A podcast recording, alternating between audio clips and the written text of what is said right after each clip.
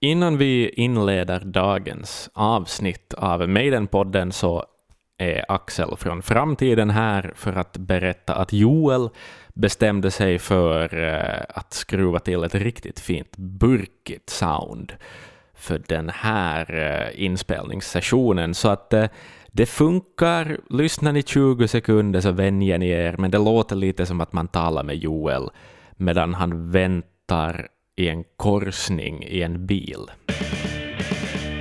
Jaha, Brink den äldre, hur står det till? Nu hör du, Brink DU. Det, det är bra. Det är bra. Det är höst och coronan kommer tillbaka så det, det är precis som det ska vara. Exakt. Exakt så är det. Ja, just det. Och ett val har kanske skett efter att avsnittet kommer, eller ett val har skett i USA efter att det här avsnittet Så är det. Om ett resultat finns har vi ingen aning om i pratande stund. Men, eh, men eh, no, jo, det här är inte politikpodden, utan det är Maiden-podden. Nej, det är ju Eh. det. Har du helt rätt i, men samtidigt, vi vet ju någonstans den här innebörden som Maiden har i USA på marknaden där. Vi, Billboarden är lite speciell när vi går igenom. Mm. Visst är den det. Är Maiden stora i USA så är de lyckliga också i Europa. Mm. Så är det ju förstås. Maiden har ju nog spelat under Trumps styre också i USA. Och vi har ju varit där under Trumps styre i USA och sett Maiden. No, vi kan ju inte säga att det har varit... Alltså de har ju varit jättebra under Trumps styre i USA. Ja, ja. Någonstans, Ja. det är ju ändå faktum. Maiden spelar bra i USA när Trump är president. Det, det är sant. Så man, man blir ju lite sådär. vad heter det? O, orsaks, kausalitet och eh, allt det här Mm. kanske har väldigt lite med varann att göra. Men, eh, men, Men han det tillåter brittiska band att komma in. Ja.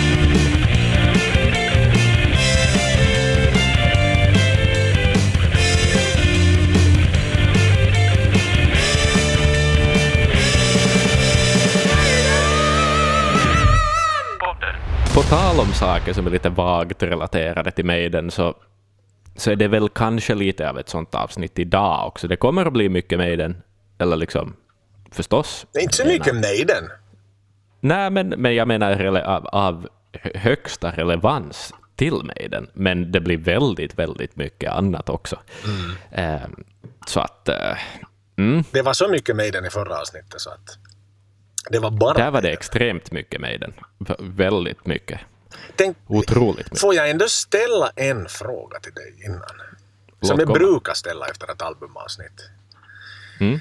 Med tanke på de, den recension du gav till skivan och de låtarna. Eh, står du för dem idag? Ja, det gör jag nog. Det gör jag nog.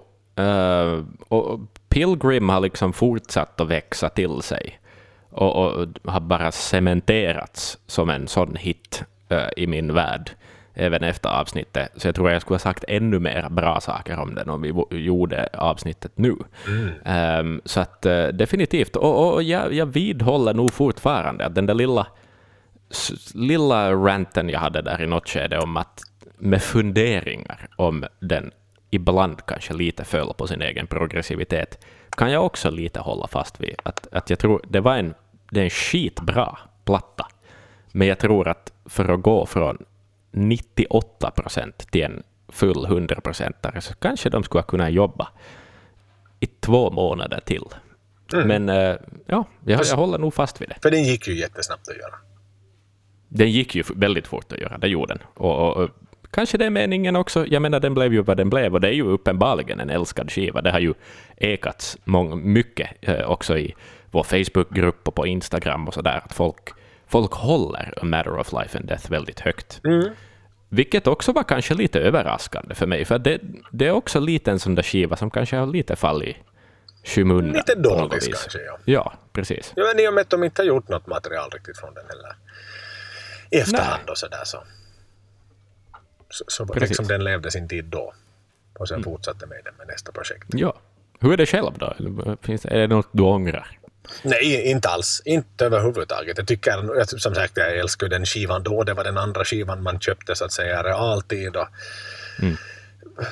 men, men lite som du säger, den kanske sådär lite försvinner emellanåt. Liksom att man, man tar inte upp den kanske fullt så ofta som man riktigt borde. Men det var ju så jäkla... Och, det gjorde ju det nästan bara trevligare egentligen att, att man... No, inte var det ju en ny skiva, men lite sådär att det var... Ja, man visste inte exakt, exakt allt, allt hela Men tiden. man kunde inte allt utan till. Nej, och det är ju så, så mycket roligare också för då lyssnar man ju på ett, på ett annat sätt. Men entusiasm Så är det ju. än mera, Så är det. än mera av rutin. Ja, och också om vi konstaterar det är en krävande skiva, den kräver mycket av lyssnarna. Så att är man på rätt humör så har, hittar man jättemycket njutning i den. Men vill man ha, klämma in en snabb filishöjare på vägen till jobbet så är det kanske liksom inte den skivan man söker fram på Spotify, så Nej. att säga. Nej, helt rätt. Mm. Helt rätt. Nej, så ett, ett, ett bra avsnitt tycker jag. Ett roligt avsnitt vi gjorde. Jättekul faktiskt. Mycket, mycket bra. Ehm, mm. Men eh, idag, idag går vi till längre tillbaks i tiden igen då. Oh yes. och, eh, och Riktigt lite fram till, till samtid också förstås. Ehm, ja, Paul Diano ska vi snacka om. Det är dags för honom nu. Det är dags för Paul. Vi har avverkat Blaze, vi har avverkat Bruce. Så nu ska Mm. vi ge oss i kast med Maidens första sångare som hamnade på band. Mm. Mig veterligen den tredje sångaren i Maiden. Men den första som hamnade på band då, och, och den man som sjöng på det första avsnitt vi någonsin pratade om, det vill säga The Soundhouse Tapes. Paul Andrews. Börjar vara så småningom till åren nu. Han är född 17 mars 1950, 17 maj förlåt mig. Norges nationaldag. 1958, samma år som Bruce Dickinson kan det tilläggas där.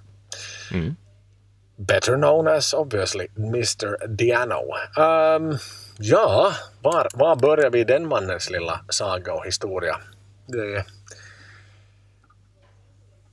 vi, vi kan ju säga redan nu att vi kommer ju att ha med oss eh, en gammal god vän numera i avsnittet som, som eh, han har varit med två gånger förr va? Mm. Yes, det stämmer. Så det blir tredje gången gillt. Steve Loopy Newhouse så att, um, som kommer att besvara en del frågor och vi diskuterar kring hur han kom in i Maiden och hur allting begav sig. Och för, för, äh, hade en trevlig diskussion med honom som vi bjuder er med på lite en liten bit längre fram i Ja, och ger, ger också en liten ny bild av, av Paul, skulle Mm. jag säga. Också en, en, eh, en bild som man kanske inte får i, i musikhistorieskrivningen, så att säga, eh, av vem Paul, Paul egentligen är. Nej, som man inte delar. Och där vill jag kanske till en början säga så här att för länge sedan så beställde jag ju Pauls biografi The Beast. Så här, eh, Som jag hade tänkt använda mig av såklart. Till just det här avsnittet specifikt. Precis som jag använder mig av Bruce bok till Bruce avsnitt. då. Kommer att använda mig av fiskeboken när vi ger oss i kast med Adrian Smith. Där kommer jag också ge en liten recension på den kan jag liksom så här smygtipsa er om. Men det, det, det blir eh, i ett senare avsnitt. Det- Men hur som helst, den här The Beast-boken, jag har haft den i min ägo i säkert ett år och, och liksom tagit upp den ibland och tittat lite i den och, och det är en jättebesvärlig bok. Ofantligt besvärlig bok, Axel. Mhm. På vilket sätt? Nej, men den är... Först och främst så är den förskräckligt dåligt skriven. Alltså, Aha. Nu är jag långt ifrån en native på engelska, men den är liksom hackigt skriven, det är slarvigt skriven, det är väldigt liksom vardagligt talspråk i den. Och sen så där när man bläddrar till de sidorna, när man tänker där i början med hela hans Maiden-era och sådär, ah, nu kanske man lär sig något nytt om, vet du, varför, någonting om Steve som skällde ut honom backstage eller whatever, liksom, någon juicy detail om Dave som pussa dörrvakten på munnen när de var i USA eller någonting sånt här Precis, precis. att man får någon trevlig liten anekdot med sig, men det finns liksom ingenting där. Det, det, Allt kretsar egentligen kring Pauls felsteg. Aha. Då, kring droger, kring våld, kring eh, alkohol, kring kvinnor på ett extremt liksom, vad ska vi säga, nedvärderande sätt. Idag skrivet liksom, kvinnor är inget annat än ett objekt som du ligger med. och den liksom målas ju då fram som ett sånt här väldigt ärligt porträtt. Här står liksom en, en varningssymbol till och med på pärmen av boken. Warning, this book contains explicit accounts of rock and roll life. Live that maximum volume. It is not for the faint-hearted or those of a nervous disposition. Mm -hmm. Så att sådär, någonstans den målar ju lite upp. Men, men den är ganska, alltså som sagt, jag måste säga att jag var djupt besviken när jag läste den här boken. Och jag har inte, mm. jag har inte ens klarat av den liksom helt och hållet till slut. För det är någonstans bara kapitel på kapitel som ska vara värre än det andra och, och liksom, det blir ganska äcklig, sunkig och, och, och, gav mig liksom ingenting om Paul Diano. Det är lite som skriver nu någon, någon sån här liksom provokativ tonåring lite som vill... Ja, ja, ja, ja, just det, jag förstår. Bråka jo. med sina föräldrar kanske eller sådär att Nej, men det, det, det, är ungefär så här. Jag var värre än du. Det är ungefär som... Sådär. Just det, precis. Det är andemeningen. Moral liksom. of the story. Jo, no, det låter ju lite som att den försöker kanske tävla just med, med något sånt där The Dirt-aktigt eller mm. Heroin Diaries eller något sånt. Uh, jo, för jag tror ju mm. kanske att man väntar sig någon typ av sensation i den. Det tror jag faktiskt mm. inte är helt omöjligt, men, men som kanske då helt och hållet egentligen uteblev. Ja, för den var inte dyr. Jag skulle säga att jag beställde den från någon sån här Amazons, liksom, ett red, red, red, red, red price-korgen. Ah, okej. Okay. Just det. Så du har inte jag blivit tror, snuvad på Nej, jag tror att frakten kost, kostar mångt mycket mer än boken. Okej, okay. just det. Så den lägger vi liksom helt och hållet bort, så det är lite snopet det. Nu har jag en, mm. en, en, en sunkig Paul Diano-biografi som jag inte ens kan använda mig av i det här avsnittet. Och någonstans det säger väl lite sådär, kanske om, om uh, The Destiny mm. Mr Paul Diano. Inte för att gå händelserna i förväg. Men... Ja, men jag menar, jag vet ju också att du nyligen fick bortdonerat en liten bit memorabilia via en Facebookgrupp. Mm. En barnmeny från Nikos Ribs restaurang, vad heter den? Eh, så att, eh, jag tror ju inte att det är särskilt svårt att få den här boken bortdonerad om du så önskar det heller. Nej, nej, nej. Men, men, men ja, men, men var börjar man då? Han föddes och han levde. Exakt. Joel, berätta åt mig. Vem var han före Maiden? I musikväg? Nej, men han var väl egentligen inte så hemskt mycket mer än en, en glad amatörmusiker, en pubbandsrockare. Mm. Som egentligen inte ens tyckte om Maiden för att han hade ju till och med han hade varit på en Maiden-konsert som han hade lämnat innan. Oh. Så att eh, således så, så började det väl kanske inte på det bästa sättet. Han var ju med i någonting då som hette, vad hette de, Candy, någonting. Just det, precis ja. Rock Candy tror jag de hette. Rock Candy, yes. Och det var ju mm. liksom då genom, den tror jag att vi lämnar till, till uh, att vi har med oss Loopy så får vi liksom diskutera precis. det mera då. Men sagt och gjort, han blev ju rekryterad till, eller inbjuden då att få provspela med mig. Minns du, mm. jag vill minnas att vi har haft den här frågan i en quiz eller så har den varit uppe i, i vårt första avsnitt. Mm. Vilken Deep Purple-låt som bland annat var hans audition-song? Varför vill jag säga Burn, men jag tror inte att det var Burn. Nej, det var Lady Double Dealer. Just det, det stämmer. Så var det. Som var en av dem som gjorde mm. att han landade jobbet. Och, nåväl, han, han så att säga uppenbarligen fick ju jobbet då. Och eh, så började de liksom kämpa på där helt enkelt. Och, och det var ju faktiskt då genom Loopy som vi kommer att diskutera med som då var den som ju då redan då jobbade som trumtech i Maiden. Mm. Som han fick, så det är ganska roligt att vi någonstans så här i dagens avsnitt verkligen har med oss nästan, vad ska vi säga, anledningen och lite länken till att Ja, ja, ja. Till att han överhuvudtaget fick sin, till att han fick sin eh, audition. Mm.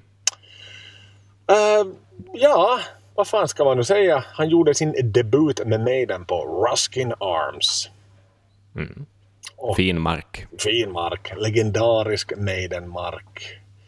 Och, och sen så här tillsammans med no Bridge House och Carton Horses. Så det var ju liksom där de, de tre pubbarna som Maiden spelade på Mm. Och som vi så mycket väl känner till liksom äh, byggde upp sin following. Och det var mer fans hela tiden och mer fans hela tiden som började dyka upp helt enkelt. Och, mm. och började ha sin, sin lilla following helt enkelt. Mm. mestadels spelar de ju originallåtar också, men då var det ju lite covers ibland som de kastade in. Bland annat Dr. Doctor faktiskt ska det, ska det läggas till. Precis, att de precis. spelade som cover redan på den tiden. Uh, ja du, sen så... Någonstans, vi har pratat så mycket om, om, om Iron Maiden. Vi har pratat om Ja. Soundhouse Daves. Vi har pratat om Killers. Vi vet ganska bra vad som hände. Och någonstans så kom den där jävla ridån och gick åt helvete neråt honom efter Köpenhamn. Efter en lång resa när saker gick ganska neråt i spiral. Mm. Så då får vi väl liksom konstatera att då befann han sig ute på, på, på ny, nya territorier. Så är det eh, ju.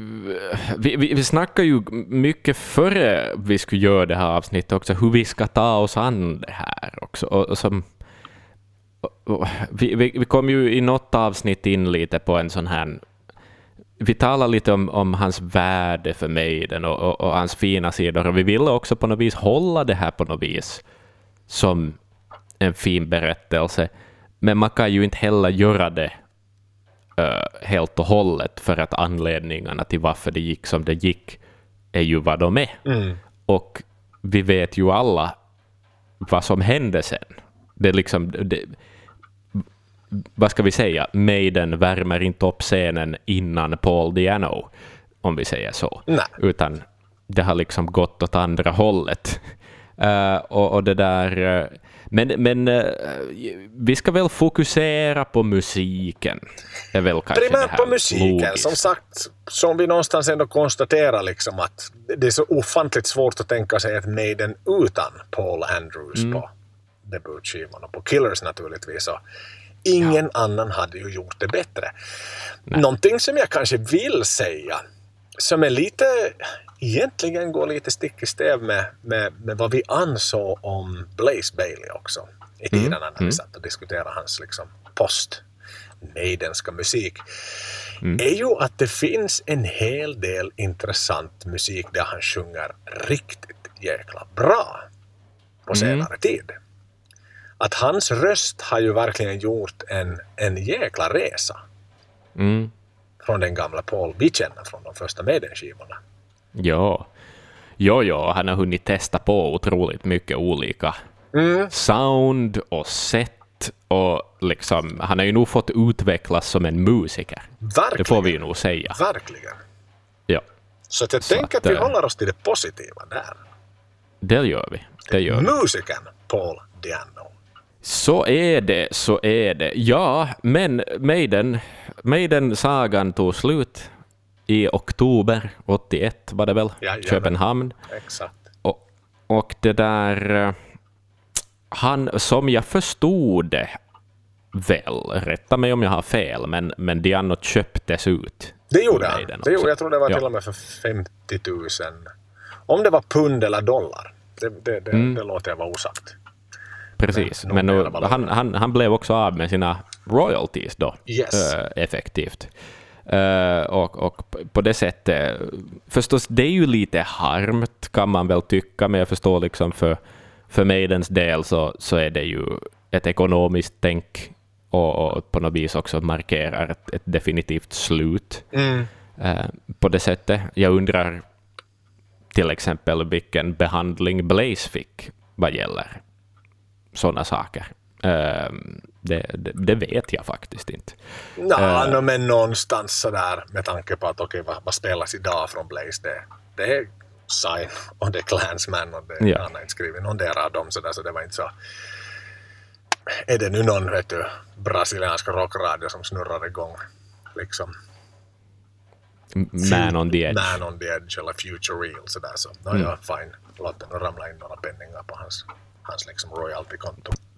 Precis. Ja. Men här är ju mer Men, men. relevant förstås. Han, han, då inte skrev han ju sådär herrans mycket för inte för det mesta var ju så att säga färdigskrivet såklart av Steve långt innan de, de ens steg in i en studio, både materialet för första och för Killers. Det är ju Mm. ja, förstås textraderna har han ju satt på Killers. Så är det annat. Ja. Säkert skulle det ha varit något, något procent där som, som eh, han skulle ha haft rätt till. Mm. Ja, för ändå. tänk nu Early Days-touren till exempel. Sådär. som Ja, var- sant. och- och lajvar Exakt, runt. där spelades det massor. Ja, så är det. Jepp. Men, eh, men och ja, med nya band kom det efter Maiden. Nå, om vi nu går igenom hans ytterst många, eh, många, många band och konstellationer och variationer på band. Så, så måste vi väl börja någonstans. Och det, det börjar med ett soloprojekt Oh yes. eh, slash ett band som vi kallar för Diano, helt enkelt. Grundat, eller ja, grundat 1983 är det väl, eh, mer eller mindre. Eh, storyn bakom det så kan egentligen Loopy mest förklara, men om vi går in lite på musiken, kanske. Um, vad vad det är och hur det låter. Så vad ska vi nu säga? Ehm, han är ju... Det, det gick ju inte åt det punkigare hållet, om vi säger så, utan det här är ju... Som ju ändå var Slipa. anledningen till att han lämnade Maiden, sa han. Precis, precis. Så är det ja. Men det här är nog motsatsen till punk, skulle jag säga. Det är... Det är Hur är det Loopy beskriver det? Han, han sa att det är lite som Journey. AOR. AOR, exakt, precis. American? Adult Oriented Rock. American? Med keyboards. det- American. Yes. Jag skulle säga att det är Adult Oriented Rock. Det är det jag alltid har kallat det för. Aha, okej. AOR. Mm. Att det är lite soft, ska vara lätt att lyssna på för vuxna vid middagsbordet. Liksom. Mm. Så att eh, ja, det är keyboards, mycket keyboards, mycket stämsång, väldigt liksom perfekt arrangerade låtar eh, som, som ska spelas på ett visst sätt. Och, och det är väl helt okej, är det väl? Diano.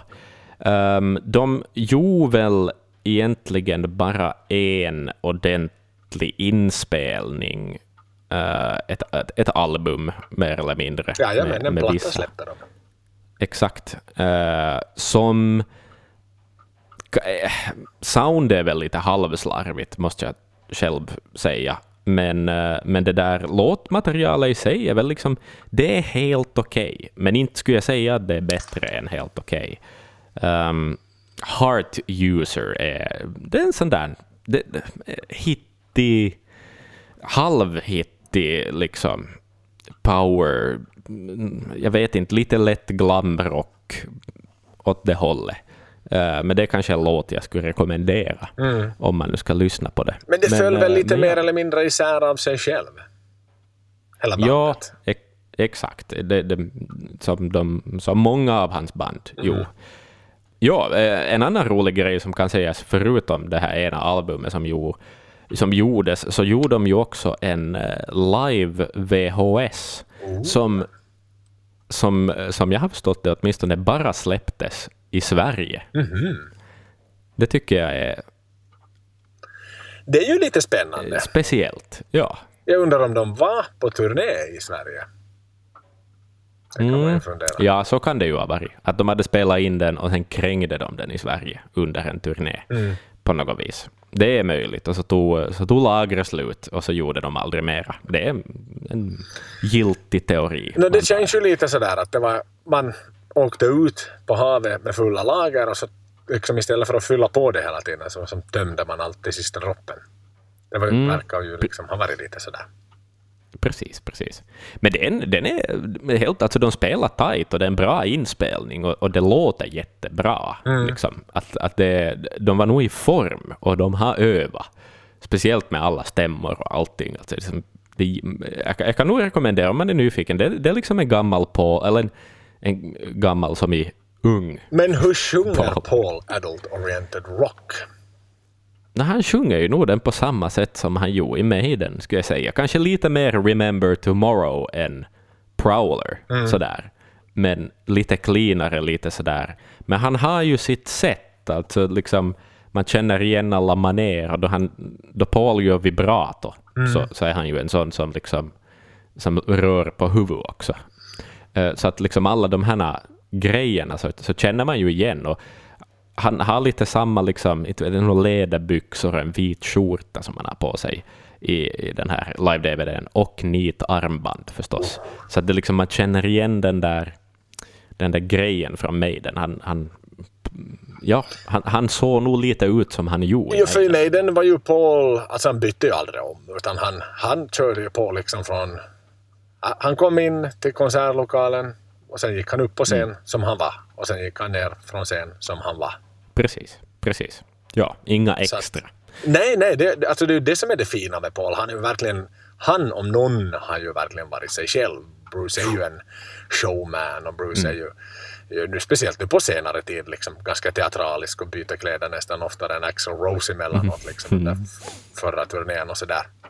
Medan Paul har verkligen varit liksom, ja men det är leder och så kör vi på och en mikrofon. Det är allt Och jag det, det ska räcka. Så är det. Yes. Så det är ju kanske lite mer true. Vi brukar ibland prata om true. Exakt, definitivt med True. Men och ja, det, det bandet, eh, det, det föll, ja, det rann ut mellan raderna. Det är inte ett talesätt, det låter som något som han i Nile City skulle säga. Eh, Den här professorn i ordstäv. Men ni vet vad jag menar. Ehm, Det, där, det kom fler band. Ja, alltså, vi kan inte gå in, för det finns så många band, så vi måste lite skrapa ytan på allt. Och, jag, och det här är ju ändå Maiden-podden. Vi har konstaterat det förr då vi har snackat om sidoprojekt också, att vi kan inte sätta lika mycket krut på allt som är runt Maiden heller. Sen, har vi, sen, sen kom nästa grej då, som han blev inlockad i, eller vad vi nu ska säga, Gogmagog då, denna supergrupp, som aldrig egentligen blev någonting. Det har vi ju lite avhandlat också. Det var vi ju inne på i Janiks avsnitt. Det var vi inne på i Jennings avsnitt, exakt. Och det var då, det var då eh, Clive Burr var väl med där också, Jajamän. och eh, så vidare. Eh, det föll ju lite, föll ju, Det blev ju också. aldrig till någonting. Man släppte väl, det blev, bandades väl in någon EP om jag har för mig. En EP ja, som släpptes väl se, långt senare, eller läckte Mm. eller något sånt där då. Eh, hur, hur den nu väl gavs ut vet jag inte, eh, eller om den gjorde. Men, men jag tycker att vi ska stanna till lite istället vid nästa band. Yes. För det är ändå ett, ett band som har funnits med i omgångar. Det här är någonting som, som eh, Paul Diano ändå på något vis verkar ha hållit väldigt kärt, och ett, ett band som uppenbarligen satsades på, för de gjorde flera, flera album. Oh, och det är yes. då Battlezone. Battlezone. Battlezone. Blir det med metallen Battlezone? Nej, det blir inte mera Playstation-spel heller. Nej, det är sant. Men de kom senare. De, De kom, senare. Helt Ja. rätt. Så är det. Men eh, vad ska vi säga om Battlezone? Det är lite hårdare. Definitivt mer metal än vad, vad uh, Diano var. Det här är inte någon adult-oriented rock nå mera. Utan, Är det eh, mer metal än vad Maiden var? På den eh, tiden när han var i Maiden. Mm, alltså, man kan väl tycka det. Jag skulle väl kanske mera sätta det åt åt, inte vet jag, Halford-hållet, eller lite lätt priestigt. Det finns ett, en underton av, av snabbare grejer. Jag vet det är lite Motorhead, det är kanske lite thrash, det är lite power metal, det är lite, det är lite en, en blandning av allt möjligt. Vad jag förstod så hade de också en trummis som har varit med i band... Eh, är det Overkill heter de, eh, som väl är ett speed metal, thrash, power Nice. metal crossover band eh, som jag inte har lyssnat hemskt mycket på, men, men jag vet åtminstone hur logon ser ut. Den är grön och den är fin. Ehm, det där, men de, de gjorde flera album med, eh, med Battlezone. Eh, den, mera, den, den mest commercially successful skivan är väl Children of Madness, som är tredje albumet, om jag inte misstar mig helt. Ehm, och eh, det är, det är ganska bra, tycker jag. Jag tycker att låten uh, Jag Children ska of rätta Madness dig, det är är det riktigt andra albumet. är det andra albumet? Just det. Ja. Första albumet hette Fighting Back. Mm. Du har så rätt i det. Eh, och det är ju nog... Det är, det är metal. Och det här var alltså ändå ett, ett, ett ganska långvarigt band som la av en gång och kom tillbaka en gång till. Eh, de höll på mellan 85 och 89 och kom tillbaka 98 igen. Eh, så att... eh, Men som med många av Dianos band så har de bytts en hel del medlemmar längs med åren. Ja, man folk kollar på den här listan av liksom senaste aktiva och sen om man är inne på liksom Encyclopedia Metallum, Precis. så är det ju en satans radioramsa med gäng som har varit in och ut där. Ja, ja, ja. Så är det. Men det här Den är väl ju större än vad, vad listan var liksom innan Paul kom till Maiden. Ja, när ja, Steve ja. hade in tre gitarrister i hux flux och utflög dem och in kom keyboardar och det ena och det andra. Han har ju haft liksom in hela jävla stadsorkestern från London. Steve också. Jo, jo, jo. Så är det, så är det. Och det här är väl lite symptomatiskt också, alltså om det är band som inte riktigt flyger. Alltså att det går helt okej på vissa stunder då, som med, med Battlezones andra album. Men sen då det liksom inte fortsätter skjuta uppåt så, så kommer ju folk att söka sig efter andra möjligheter och livet kommer emot då det inte riktigt kanske Men det är blir ju ekonomiskt lite som ett hållbart. företag. Ja, exakt. Precis. Att det är ett brand som folk verkar under. Ja, exakt. Ett företag som man anställer folk och så får, går folk vidare och, och byter jobb. Men där till exempel Diano ändå är den mest, vad ska vi säga, han, han måste vara där. Hade Diano Ja, ja. inte hade Diano gått så hade det korthuset rasat ihop. Så du behöver ändå ha en sån stark bärkraft på något sätt. Exakt. I exakt. form av varumärket Diano i det här fallet skulle jag väl nog säga kanske. Jo, jo, han är ju ett varumärke. Det har ju byggt upp hela sin karriär efter Maiden på. Att han Mm. är ett varumärke. Det är Paul Diano. Liksom. Eh, även om han har kallat sig otroligt många olika saker längs med åren. Var det inte så att de hade en gitarrist från eh, gamla goda bandet Tokyo Blade? Tokyo Blade, ja. New Wave of British Heavy Metal. Eh, Fan, de är jävligt underdogiga egentligen. jätte. Men Night of the Blade är ju en så jäkla härlig låt alltså. Mm. Det är ju så här raka rör och det, den svänger och den rockar. Men det är så här one hit wonder band. Men om inte ni har hört Night of the Blade av Tokyo Blade så kommer ni att bli på ett gott humör. Mm. Svinbra bandnamn är det ju också. Tokyo Blade. Det låter exakt som ett bortglömd 80-talsbalnd. Ja, liksom, exakt. det, det, det ska heta. Som är från England och inte har någonting med Japan att göra. Nej. Men ändå liksom, det är så coolt. Det är Precis. så coolt. Jepp. Um, Okej, följande, följande grejer då. Um, Paul Dianos Battlezone håller på till 89, som sagt. Eh, sen hoppar han in en sväng på någon sorts återförening med eh, Praying Mantis, som också är ett sån här ganska underdog New Wave British heavy metal. Ja, för de blev väl labla, lablade liksom i den, fick den stämpeln då i samma veva som... Var de till och med med? Är jag nu inte helt ute och cyklar om jag minns att de var med på någon av de här Metal Crusade toursen Just eller vad, det. då Det back kan- in the days. Det kan riktigt bra hända. Där kan- Samson och Maiden var med bland annat. Så Ja, har jag men- för mig att Praying Mantis var med så. Ja, men eh, som det här begreppet ju är, det är ju väldigt brett. Och Praying Mantis är ju nog mycket mer soft än de andra banden. Alltså det är mera, det är lite mer vuxenrock, eller lite sådär som att folk som spelar progg 1976 vill göra lite lättare musik. På något vis. Att det är liksom lite hårdrock kvar, ja, för att det är roligt att spela, men det är väldigt ganska slipat. Och så det, det är ju ett helt, helt okej band, nog eh, Praying Mantis. Men de skulle göra någon sorts reunion för att fira tioårsjubileet av New Wave of British Heavy Metal i Japan. Så att de, de åkte iväg till Japan på några spelningar med Praying Mantis då. Men det var också bara som en... Nå, lite någon sorts... Vi tar nu med allihop och firar lite grann med det här ena bandet. Så att, så att där, där platsar Paul in.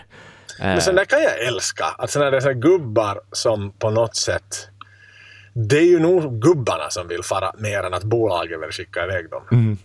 ja. Och jag tycker det är så underbart med den typen av, av band. Som någonstans får någon sån här... Det fanns ett gammalt band från Vasa. Vad tusan hette de nu då? Wild Force. Wild Force som, som var ganska nära ett genombrott i, i Mm. USA. Det var ju på ja, glada 80-talet såklart. Och liksom gjorde bra musik, lite sådär i, i stuk kanske med Europe. Och, Ja, ja väldigt sådär. Europe och sådär. Ja. som var nära och nära och nära liksom och, och, och någonstans nå, då man brukar säga att man blir inte profet i sin egen hemstad, men är nu kanske enda stället de är profeter i är i sin egna hemstad Vasa då. Men det är ett sånt band som jag skulle kunna tänka mig att vår kära lokaltidning Vasabladet skulle hypa om de till exempel skulle åka till Whiskey A Go-Go och ha en sån här legendarisk spelning som Jo, ingen jo, sen jo. kommer på, men någonstans sådär They are going home. Och det är ju Mm. lite samma med Praying Mantis nu, här, Japan. Liksom, Mm. Vad skulle de nu hämta därifrån? Skulle de på riktigt liksom var det bara en 10 year anniversary eller var det sådär att hej på riktigt, det finns en chans att de här på riktigt kan bli så stora så de säljer slut varenda jävla fotbollsstadion i Europa på sommaren? Nej, Mm. det finns ingen chans till det. Nej. Utan gubbarna har satt egna pengar på flygbiljetter. De har köpt sina egna plektrum och de har farit iväg. Jo, jo, men det är lite som vet du, då, då sån här gamla medlemmar av någon studentkör kommer med på sits. Liksom, att, sådär, det är en orsak att fira, roligt, och liksom vi sätter lite pengar på det här nu och så har vi kul. En, en, De köper öl i baren och bär den backstage. Om man får vara lite vass. Där har jag varit. Ehm, Ja du! ja, nu har jag gjort det. Nej, vad tragiskt! Nej, men du vet sådär att man, man blev lovad typ tre öl, Ja. och så tog de slut och så måste Ah, man... Okej, okej, okej. Ja. Ja, men då fanns det i alla fall tre. Utgångspunkten var inte att de bjössade på tre. Okej. Jo, jo, jo, precis. Eh, så att, ja, men det kan vi hoppa förbi. Och jag tror vi hoppar förbi Praying Mantis nu också och Ja, går vidare till ett annat, ganska långvarigt band som eh, det där han, Paul Diano har, som går under många namn, men, men Killers är väl eh, vad det hette först, sen har det blivit Paul Dianos Killers och så vidare. Ja, vad ska vi säga om, om Killers då? Det var ett 90-talsband. Som, Icke att förväxla med dagens Nej. Killers. Exakt, det är väldigt viktigt. Ja. Han har inte sjungit vad det nu heter. Somebody told Somebody me. told me, exakt. Nej, han har inte sjungit den låten. Det är inte han. Det är viktigt att, att minnas. Men eh, vad ska vi säga om, eh, om Killers då? Det är, det är också lite hårdare. Det, Mhm. 90-talet kom in, vi har varit in på det här. Vad gjorde Bruce på 90-talet? Vad gjorde Adrian på 90-talet? Vi vet ju Och vad vad, gjorde vad, Maiden på 90-talet? för den delen, ja. Men, men det här är lite mer åt det där kanske alternative metal, sound, alltså här försökte Diano ändå göra något kanske lite nyare, något fräschare, inte vara fast i 80-talet. Mm. Men för att påpeka. Mm. ingenting är mer alternative än X-Factor. Nej, nej, nej, Det finns inte en skiva som är mer alternativ än den. Nej, Och det har aldrig gjorts en sån alternativ skiva någonsin. nej sant, för den är, den, är en, den, den är ensam. Den är ensam. Det kan vi ändå ge den. Ja, i sitt slag. Sant. Definitivt. Men Killers då? Äh, bildades 91. Lite ex-medlemmar också väl från, från det där, an- något band som man har hört om. Raven äh, är ett band. De hade gitt Ska in- icke förväxlas med Raven Age. Det är mycket Inte det heller. icke-förväxlingar eller? Inte heller det. Nej. Ähm, men äh, de höll ju ändå ihop i fyra album. Ähm, Killers då. Ähm, mest... No, första albumet heter väl då Murder One, har jag förstått det som. Och de spelar en del också i, i Sydamerika. De har varit ganska mycket i Sydamerika. Det är väl ett band som också har haft en del sydamerikanska medlemmar. Ja, men han bor ju där. Alltså han, eh, Exakt. För hans pappa är brasilian. Ja, Nej men exakt. Så han har ju bott en gift och giftermål. Så han har ju han har ju etablerat sig väldigt väl i, i speciellt Brasilien, men, men just han har lyckats, lite som, som äh, Kotipelto till exempel också har Ja. lyckats jävligt bra i. Och Tolki från före detta Stratovarius-gitarristen liksom, har lyckats i. Sydamerika. No, men är man nu där och svänger så varför inte? Varför Mm. inte? Ehm, det där... eh, ja, vad, vad skulle jag nu säga om, om eh, Killers? Det är väl också helt okej. Eh, jag tycker att det intressanta med Murder One, Impaler, öppningsspåret det är helt decent metal, även om det ju nog är... Det faller väl lite på att, att det försöker låta så mycket som sånt som var aktuellt då. Mm. Speciellt tydligt blir det på albumet Menace to Society, som väl fick sitt namn efter Pauls första, eh, inte fängelse, men liksom jail time i USA för något. Det, det var något, det, men det var det här äktenskapet som slutade lite ödesdigert. Ja. Eh, så hamnade han i, i, i jail en tid och blev kallad då, påstås det, för en menace to society. Och eh, så började han skriva på ett album i jail, då han var i jail, vad kallar man det, häktet? Men det, det är inte riktigt samma sak. Jail i USA är liksom en annan sak. County jail. Exakt. Det börjar vara lite Johnny Ett Cash-vibbar här. fängelse, kan vi väl kalla det, men det är liksom en annan juridisk funktion än ett fängelse. Men Men det är lite, lite East Ends Johnny Cash. exakt, precis. Menace to Society gör han då, och det är ju en skiva som, det är liksom en Pantera-skiva. Mm-hmm. Den låter extremt Pantera. Vi kan fast lyssna på låten Die by the Gun. Ni kommer att höra hur mycket Pantera det är här.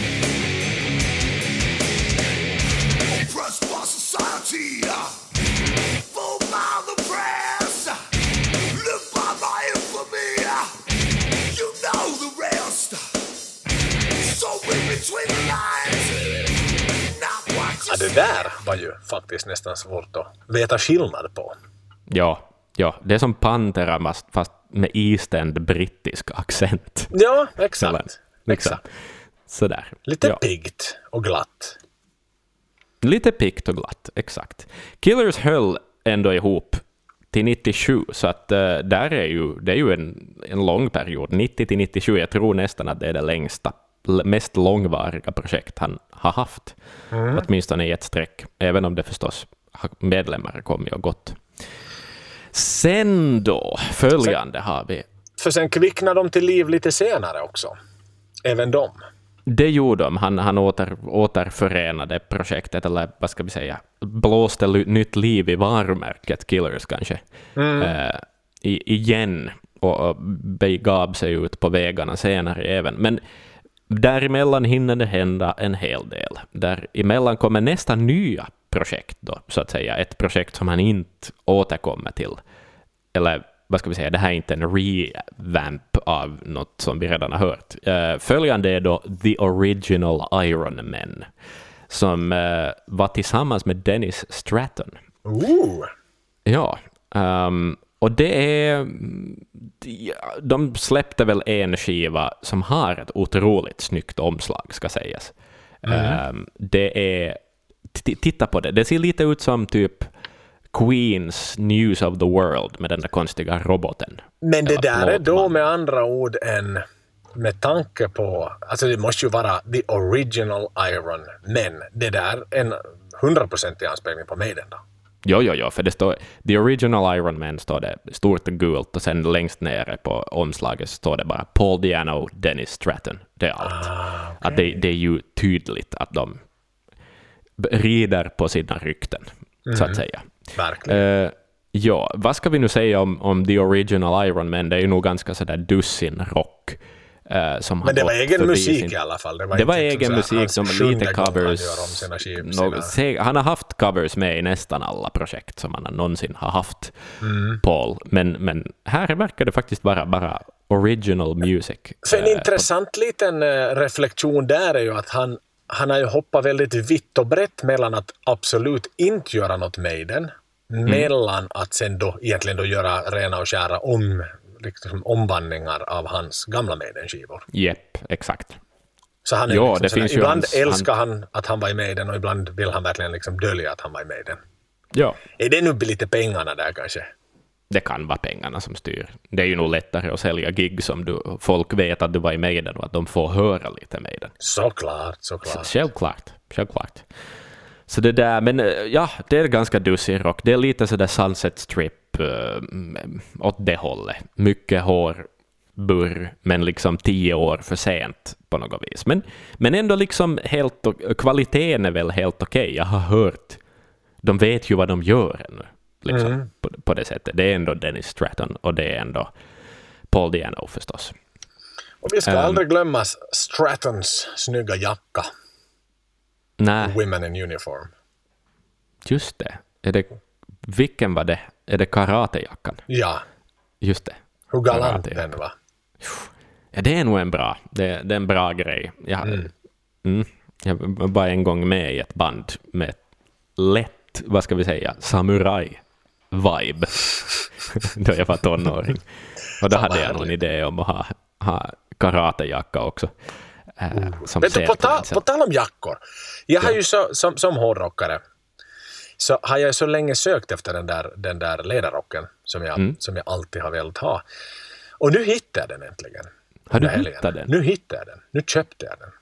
Wow! En riktigt kul. sån här fin med, med liksom helt rätt sömmar. Mm. Liksom, åh, sitter som en smäck.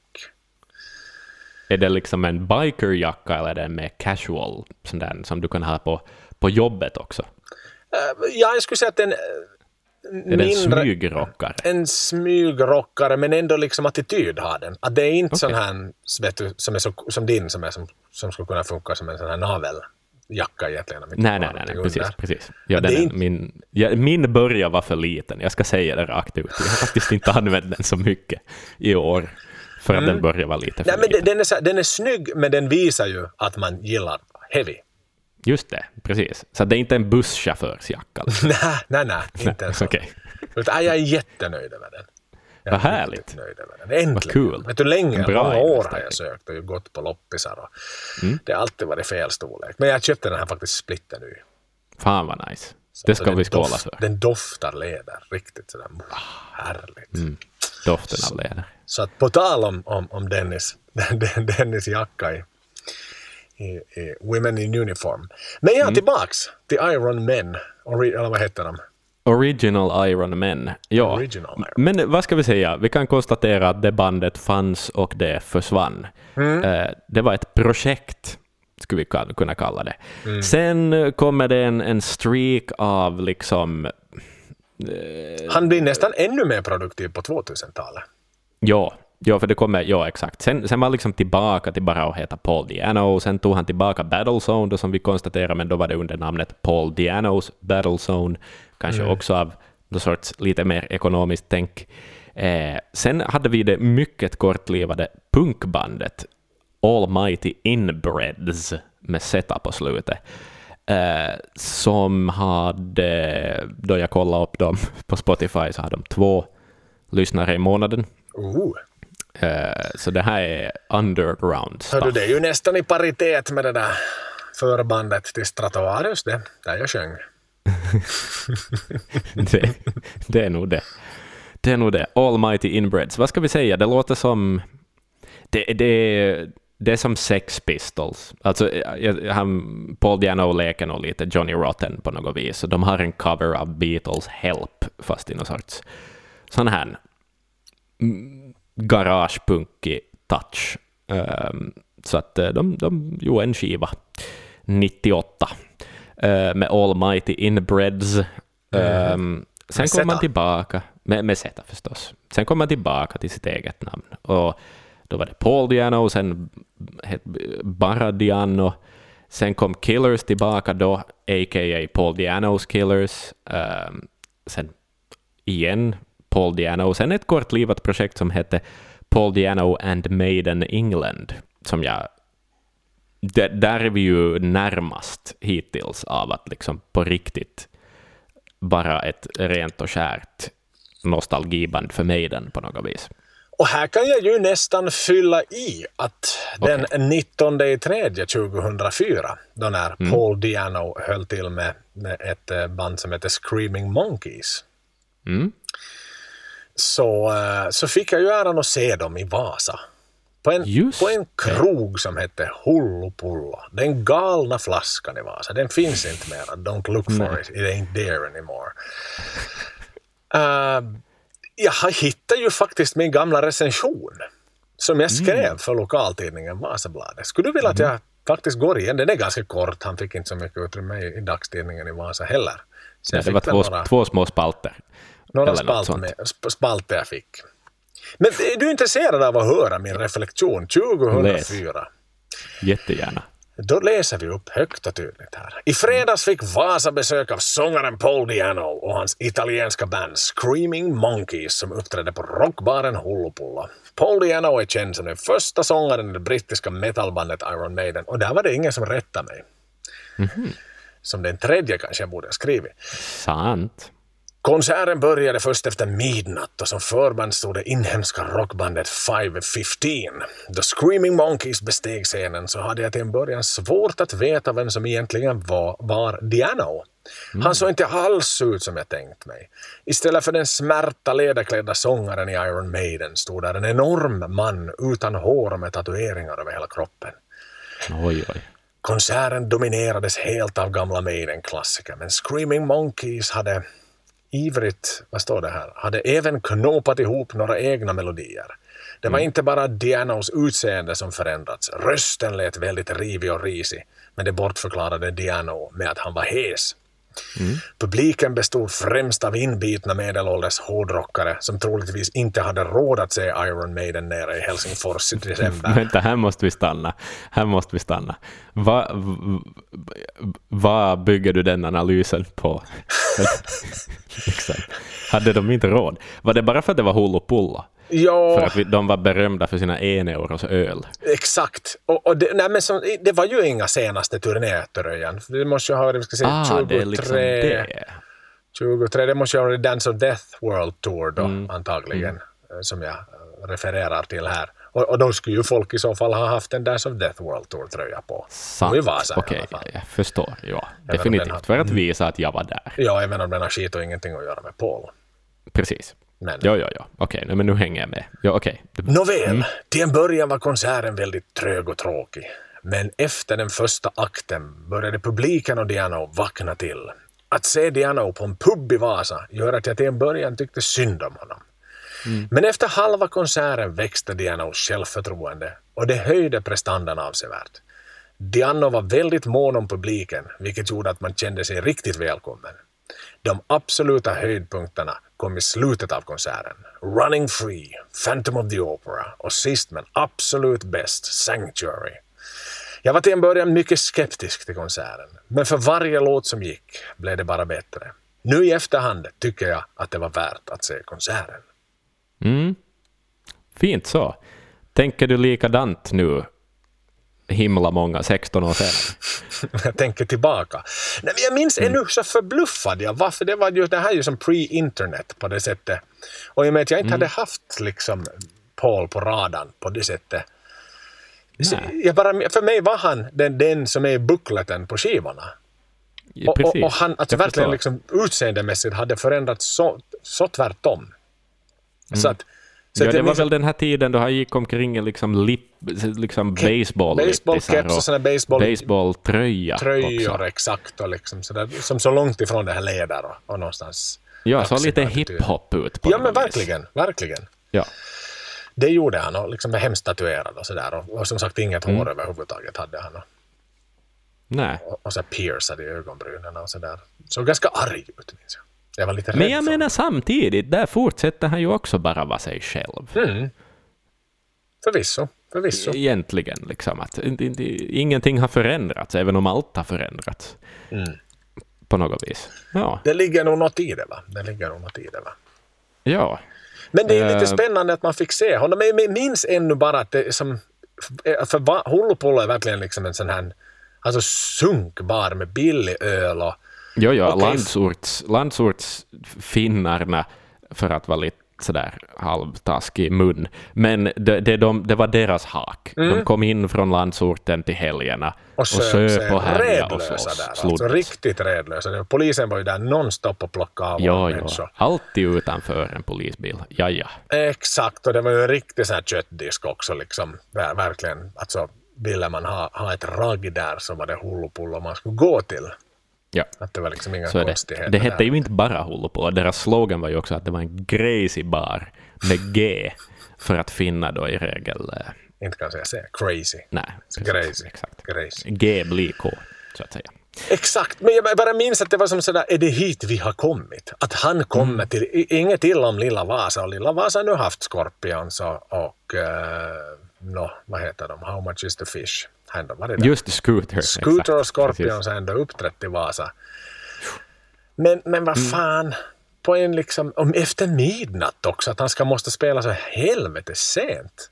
Ja, nej, men det, är ju, det, är ju, det hör ju till i den här stan, för att folk kommer ju inte ut före Mm. midnatt för att alla är hemma och värmer upp med egen öl väldigt sent. Så Mm. Exakt. att, eh, ja, För en euros ölen var dyr sen ändå. Ja, men jag har ju nog också varit, nu har jag ju varit på motsvarande spelningar. Alltså ändå. Sitter, Udo har jag sett, Dirk Schneider, I Vasa? Ann i Vasa, ja, samma, samma kväll som eh, det var Anvil som, som värmde upp scenen för Udo, så de var ute på någon gemensam turné. Det här var 2015 kanske det var. Eh, Men det var en kul kväll. eh. Jag fick- Säkerligen. Men Anvil är ju på ett annat Alltså Anvil är ju inte... Någonstans om man nu ska gå in på det här med vad som är tragiskt och vad som inte. Alltså Mm. om man nu, det är som sagt, tittar vi ju inte ens helt färdiga med hans liksom, genomgång av 2000-talet ännu, Pauls. Nej. Men, men det, han ökar ju takten och byter ju band jätteofta här. Men, och, och då är det ju någonstans, alltså han kom ju från Maiden och, och, och Maiden gick sitt parallella spår, precis som vi alla vet hur, hur det gick. Men sen har vi då ett band som Anvil till exempel som ingen kände till före den här filmen kom. Nej. Sådär, Nej. jo, de var jättestora och bla bla bla, spelade på samma scen som Bon Jovi och sprang runt med sin dildo där och spelade gitarrsolon i Japan på någon sån där Monsters of Rock liksom. Och, som de, hela filmen börjar med, men ingen har vetat om det. Nej. Utan då fick de ju sin, så att säga, sin start, sin riktiga start tack vare dokumentären och tack vare att de är jättetragiska och att de aldrig har gett upp och åker runt Nej. och kämpar och harvar på. Då är det ju lite exotiskt. Då blir det ju nästan som en Ja men lite av ett spektakel som kommer till Vasa där. Ja, ja, ja. Och det är ju lite Ja. så här, jo men det är ju där ni ska vara. Inte fan ska ni spela i, i Hartwall Arena liksom. Det skulle ju bara vara Nej. så fel. Ni ska ju Jo, jo, för de har anammat sitt kultstatus Nej men på ett annat exakt. sätt. Så att där vill jag ändå liksom dela upp skillnaden mellan att Diano spelar på en sunkbar på en vardag i Vasa i, i Mm. mars, och det är inte roligt i Vasa i mars, det kan jag säga, och det, det är kallt och det är hemskt och det är åt helvete. Så att sätt det då i jämförelse med, med Anvil på, var det inte Vaskia rent alltså, men det är lite Vaskia, så här yes. klassiskt ställe liksom. Det finns ett, eh, ett spa, där, en stor Tropiclandia liksom vägg i vägg och sådär. Så det är ju lite mera deluxe-förpackning på Vaskia. Ja, jag tror de sålde på något vis någon sorts paketbiljett till det så att man kunde få hotell och spa på samma Ohoho. och så vidare. Ja, ja, ja. Eh, Det var, det var mycket spe- så Det kändes lite som att vara på Silja Line på något vis. Mm. Vad Ja, hände sen? Nå, sen hände det en massa band med Diano eller Paul Diano och, eh, och olika saker. Children of the Damned kallar han ett band som väl tekniskt sett aldrig heller har lagt av. Paul Diano and the Phantoms of the Opera. Att, att, här kommer vi ju nog in på att han, Nu han, liksom, han lev, lever med den fu- fullt ut på något vis. Sådär. Oh yes. Ja, och då Screaming Monkeys, var det så de hette? Jajamän. Flaming Monkeys. Screaming var det? Monkeys. Just det. Från... Så att eh, en, en, i något skede hade han ett, ett norskt band också. Eh, Det där, ett hel norskt band. Och sådär. Så att han har ju spelat, hunnit spela med väldigt mycket folk. Rockfellas hade han ju något band som. Rockfellas, exakt, precis. Det var nog sydamerikanskt också. Oh yes, det var på den tiden. Japp. Och sen var han ju nu ganska, egentligen kanske senast han faktiskt aktivt höll på i ett band så var ju de här, det här tyska Architects of Chaos. Just det, det finns det också. Där var det också något Zeta inblandat, var inte? Eh, ja, nej, jo, kanske. Kanske det var. Det var ett att göra. Ja. Och där spelar han ju in en skiva, The League of Shadows, som jag lyssnar på en del. Och då är det ju riktigt helskotas power metal. Det är ju r- rätt och slätt power metal där. Och jag kan tycka, eh, okej fine, bandet är tyskt. Mm. Men Förstås. The Phantoms då, som sen grundade Architects of Chaos. Men de... Han låter som en riktigt tysk power metal-sångare, Paul Diano. Han låter, alltså, allt hans East End är bortglömt. Han, han, han låter riktigt som, som en Halloween-sångare. Alltså det, Aha. det är helt absurt hur mycket han låter som en halloween-sångare. Och högt sjunger han, och precis som du pratar om att han vibrerar, sjunger vibrato med hela huvudet. Liksom Ja. att, Ja, ja, ja, det ska man göra. Som man också som ju hör till i tysk power metal. Ja, ja, ja, definitivt. Men det slutar ju duktigt i moll där, för de bandade ju in då som sagt en skiva som gavs ut 2015. Mm. League of Shadows då. Och eh, han var ju ganska då risigt skick då, Paul. Han satt ju, har ju haft Mm. mycket med sina knän och, och andra förstås eh, pro- problem helt enkelt. Han har, så kroppen får börja lite lida efter, efter hans hårda liv. Och, eh, så han fick ju foten därifrån det bandet. Mm. Så det, slut, det Just var ju så. sådär att vet, vi kan inte ha en sångare som vet, inte ens kan stå på scenen. Liksom, att, Nej. vi måste ha lite fart. Och, och, och, och, så så de, de gav foten åt honom och, så blev det ju någon infekterad debatt där också om att han hade rättigheterna till namnet Architects of Chaos och han skulle minsann starta sitt nya Architects of Chaos. Men så blev det nu inte, utan de hittade sig någon annan sångare och så lade de av. Men det var ju också så här när man tittar på tal om de här gubbarna som for till Japan som vi pratade om tidigare, att det är ju så här också likadant. Det är ju som farbröder som byter till svarta jeans från, vet du, de klär av sig kostymen där i omklädningsrummet och så sätter de på ett par svarta jeans, men inte riktigt, vågar inte vara så där riktigt farliga. T-skjortan är inte så där Nej. jättetajt, men de har på just så här en Maiden, liksom Power Slave-tröja som är lite för stor kanske. Och, så där. och sen ser de lite arga ut fast man ser att de har som inte ändrat sin frisyr ännu utan den är fortfarande så här väl polerad från när de satt och tog emot sina kunder på banken. Liksom innan. Precis, precis. Så att, äh, jag, har, jag, har, jag skulle öppet nu och säga att jag har svårt med... Vi är alla i den åldern säkert så småningom att vi vill spela rock igen. Ja, Men det, det, men fan, det, blir det- lätt lite mm, tragiskt när liksom när man ska vara rock och man ska vara lite farlig, men man är så långt Ja, det finns, ifrån ju, det. det finns ju det här fantastiska Instagram-kontot eh, som, som handlar om just det här. Vad fan heter det? Ehm, det heter Rigs of Dad, heter det. Okej. Eh, gå in och kolla Rigs of Dad. Det är liksom prylnörderi för, för medelklass vita amerikanska män, typ. Men alltså det, det är liksom ett satirkonto. Eh, men, men bildtexterna är alltid fantastiska. Och det, Nåja, men det, det är kul. Det, det är mycket sådana här, eh, sån här liksom förortspappor som vill börja spela rock igen och så skaffar de en Epiphone Les Paul och, och liksom tror att de är coola. Ja, Så ja. att, och så eh, får det- man den där det- ena spelningen på puben som man alltid dricker öl på. Precis, precis. Typ en söndag eftermiddag. Exakt. Men man är så övertaggad inför den här konserten. Precis, exakt. Det är sådär, och man har gått och köpt en massa stage props och sånt här, och så glömmer man bort hälften för man är så ivrig när man får stå och spela. Så den Mm. liksom lilla handkonfettikanonen blir aldrig liksom, åker aldrig upp i luften heller. Och plus att man och, själv och får... basisterna i sådana band tenderar alltid att spela med någon sån här riktig monsterbas. Ja, Alltså i, med typ sju strängar och, och en massa knasigheter. Mm. Eh, och trummisarna har köpt mycket, mycket cymbaler. Herregud Jo, vad jo. de har köpt. De har spelat med racks för att det är lite mer ungdomligt idag att göra det. ja, precis, Så då exakt. får de uppskruvade lite behändigare. Men du kanske inte slår, du slår på dem lika ofta som Nika använder sin China. precis. Exakt, men de ser snygga ut. Det ser satans Och du har råd med dem. Ja, Ja, och sen har du till och med kostat på dig att, att köpa ett customized eh, skinn till bastrumman. Så att du, det står jo, faktiskt jo, jo, definitivt. Sånt som man definitivt. aldrig hade råd med när man var ung och spelade i band. Jag har Nej, aldrig haft nej, ett nej. trumset där jag fått ha vårt band-logga eller vårt bandnamn på, för det var så satans dyrt att beställa. Och det var inte Jo, dit man det, man ska ha något tryckeri involverat. Det är jätte, jättejobbigt. Är det. Mm. Ja, Vi var så fattiga så vi gjorde en backdrop med ett lakan och en sprayfärg, svart sprayburk. I tiden. Alltså. jo, jo. Ja. Det kostar pengar när man inte har någon som stöder en.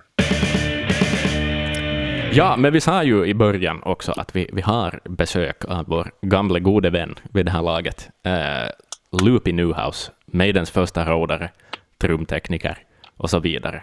Även skolkamrat med Paul Diano, ska sägas. Och mannen Eh. som serverar Nico McRae mjölk. Och i lite tidigare skede fick sparken av Clive mitt under en USA-turné. Exakt, exakt. the, the actual truth is that um, Paul was only in um in one band, uh, like before he, he bumped into the guys in Maiden. Uh, there was a band called Rock Candy. No, tell a lie. It's his second band because the first band was with me. Um, Ah, yeah. yeah, I mean, basically, we were called uh, Feedback, and it was myself um, on bass. Mm. There was Paul on Paul on vocals. There's a guy called Mick or Mike Franklin um, on guitar. He went on to become um, guitarist with a band called Bird of Prey, uh, another sort of new wave heavy metal band um, Hmm. uh, back in the early '80s. And there's a guy called Steve Kingsley on drums and Steve Kingsley went on to play with the Deep or Deep Deep Oh, yeah. Machine. Yeah. yeah, So you know, a little, little bit of contact there. Um, then um, yeah, then that that band fell apart. I mean, all we did was just rehearse and drink a lot, and I mean drink a lot. Hmm. Used, we used to get through like a bottle of Bacardi or a bottle of vodka that sort of every rehearsal, Hmm. and we'd come out of there so blind we'd forgotten what we'd rehearsed. so, um, so anyway, we, um, he then joined Rock Candy. Um, we were with Rock Candy for about. It took us through the winter months, so I would I would say around about eight to nine months. And Rock Candy was more of a cover act, or? Uh, no, no, uh, they had all their own songs. They used to do the song Rock Candy as part of their set, Mm-hmm. and they they um, the only the one and only time they ever played live was at a pub called the Three Rabbits in um, in where is that? Um, I've forgotten. Um, it's, it's it's almost in Ilford. Okay. uh, not right. far not far from where I am now. And um, it was the one and only time the band ever played live. Hmm. Um, in my book, I talk about it. Um, talk about it with, where this guy came up and asked uh, asked Paul if um, if Paul could say uh, or Paul could play uh, a song from oh, about ten years before. Uh, again, I can't remember the name of the song, but it's all all the info's in the book. Um, and Paul basically told him to piss off. Yeah. Yeah, and um, and they sort of carried on the set, and they actually finished the set as an encore. They did uh, "Pretty Vacant" by the uh, by the Pistols. Mm-hmm. Anyway, as I said, that that was the, the one and only show they ever did. Um, shortly afterwards, all the band's equipment got stolen out of the studio, Oh. And that that sort of spelled the the end of the band in a way because it um, the the studio uh, had the doors ripped off of it. Oh. Shit. And it- was it insured? No, no, no. Basi- Basically, this was an old. Um, it was an old munitions shed. Um, it, it, it was right next to uh, a Second World War gun emplacement, Mm-hmm. And um, somebody had driven up with a with a sort of four by four type vehicle. I mean, you know, the equivalent, sort of back in the uh, late seventies. Uh, basically, it backs up to the doors, used used uh, like a big chain, and just literally sort of drove away and pulled the doors off the hinges. Whoa. Uh, Yeah, I mean, it's, you know, it's quite stunning to think.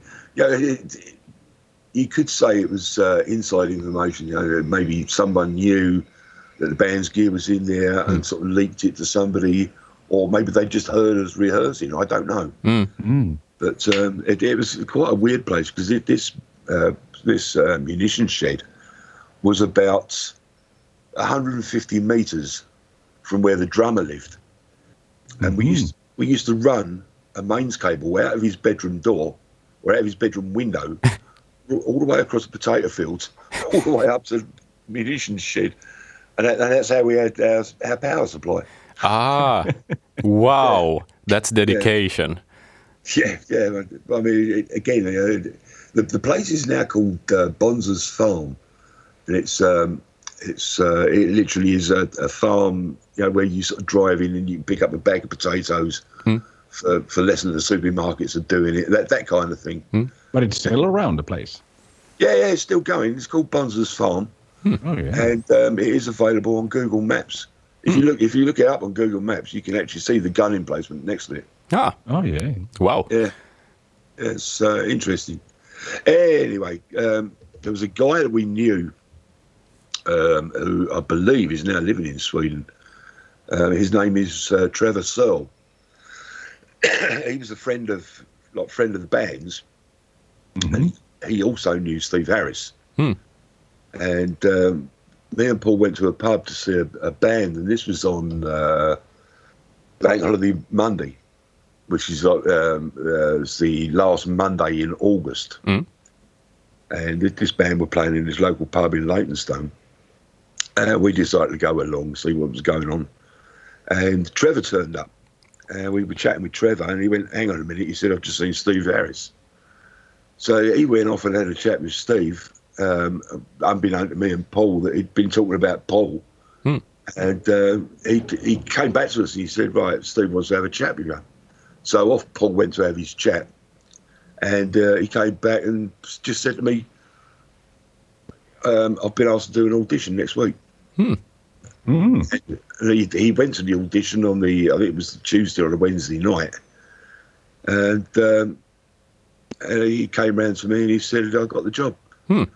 So, uh, like through a mutual friend of some sort. Uh, Yeah, yeah, Trevor More or less. was a mutual, mutual friend. I mean, he, he knew the guys out of Rock Candy, and that's how we met him. Hmm. And then it turned out that he also knew Steve as well. wow. Okay. Wow. Co- Coincidences. Yeah. Yeah, yeah. And the funny thing is, after after all these years, we knew that he'd gone off to live in Sweden. Um, when Maiden did the show in uh, Oulu Hmm? on the Yeah. uh, the uh, summer midsummer fest. We had the first visit to Finland ever. Yes. Yes, yeah, yeah, yeah. Kuusrock. with uh, uh, Bad Manners headlining. Mm. Mm. And um, Trevor actually drove from his house all the way up, like to North Sweden, into Finland, and all the way down again. Oh. Yeah, down to sort of meters in meters in Oulu. That's, Wow. Uh, yeah. Whereabout in Sweden did he live? Do you remember? Uh, I don't know. I really don't know. Mm. So, Is it- but he's, he's- he's now sort of disappeared out of my life. I, I, I have no contact with him at all now. So Yeah. Yeah, but he, yeah, he might might be alive or not. yeah, we don't know. We don't know. But you went to school also with Paul. How was he as a? I mean, as a mate, and how was he in school? I didn't see much of him at school because he was a year younger than me. hmm And uh, I'd, I'd meet him at lunchtimes, um, um, what we call playtime. Because we used to get um, like a little sort of 15, 20 minute break in the morning. Mm. Then, Yeah. then you get lunch for about an hour and 20 minutes. And then you get another 20 minute break in the afternoon. It's literally about an hour before you went home. Yeah. Um, so yeah, we we we we'd meet up at, at uh, playtimes and then um, lunchtime. Um, really don't remember much about those days. You know, it, it was such a long time ago. Yeah. Yeah, yeah. Of course, of course. When you think about it, I mean, I left school almost fifty years ago now. Shit. Yeah. Yeah. That's a long time. It's hard Yeah, to it's- hard to remember everything from from those days. And of course, I, back back then also, I wasn't writing diaries, so I, I have no idea. Yeah, but do you remember how, um, uh, like, um, when you first hung out, like properly, or uh, or do you have any, any memories of, of like the first time you got to know Paul? Yeah, I mean, uh, obviously, um, I'm writing about this right now. Uh, um, it's just a little, little sort of side project that I'm doing as a as a totally stupid book about my early life, hmm and it is stupid. It's um, I, I got the name Loopy for a good reason, and this is it. um, yeah, there, there- there was basically there was a there was a, a gang of us. There, there were probably about 20 to 25 like sort of kids that all sort of hung about together on a on a, a housing estate. Mm. And um, me and Paul sort of, you know, we just sort of connected. Hmm. You know, the, you know we, we had similar things in common, um, sort of more in common to than to the others. Hmm. Um, our, our musical styles were, were sort of different. I was more into sort of um, at the time what, what you call glam rock. Yeah. Uh, I Paul liked glam rockers too, but he was also into um, sort of reggae Ah, and, and stuff like that. I mean, I, I used go that was back- before his punk era. never never was a punk era. I don't care what he says. Oh yeah. Yeah. Really? Never was one. Hmm. Oh. Unless, unless it happened in, on the days I didn't see him. Yeah, well, I mean, reggae. You could argue that reggae and and uh, punk is related through through ska and stuff like that. But Yeah, very true. Very true. Post Alexa and all that. yeah, But that's an interest. If you- if I may, you know, that's an interesting thing because I mean, jumping then forward to Killers and and sort of uh, he will at least what he's been saying in interviews that it wasn't really his cup of tea. The kind of melodic stuff that they made and went into on the Killers album that he wanted to go more more back into the you know punk roots. Yeah, I, I, I just find that interesting because, all right, maybe, maybe he was listening to punk. Um, I mean, don't forget that on the road, the band and crew travelled separately. Hmm. Hmm. So what he was actually listening to at the time, I have no idea. Yes, it might have been punk. Hmm. Yes, you know, but yes, he might have been into that. Yeah, he he became quite a bit of a, a police fan. I remember that um, because there's photos of him sort of wearing a, a green jumpsuit. Oh yeah. Uh, they're, they're out there somewhere, um, and there was a one particular video that the, the, the police did where all the band were wearing jumpsuits. Hmm, yeah. I think I I've think- seen that image. Yeah. Yeah, Paul sort of tended to sort of like just copy that a little bit.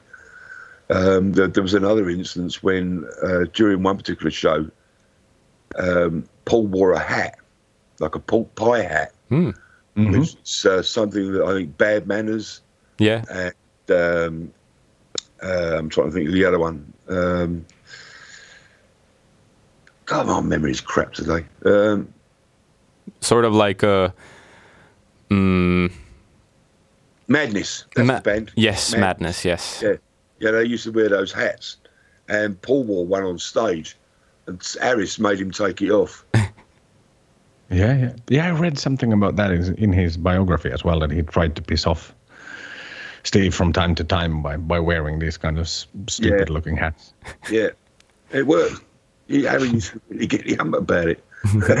Well, it's not metal enough. It's not hard rock enough. Well, no, that, that that used to come from Rod. Aha. You know, Steve, Steve would just say, "Look, you know, it doesn't look like doesn't look good for our image," Mm. And Rod would be the one to turn around and say, uh, "You know, well, it's not metal enough." Yeah, blah blah blah. there you go. Hang on, I'm just going to have a slurp of coffee before it goes cold.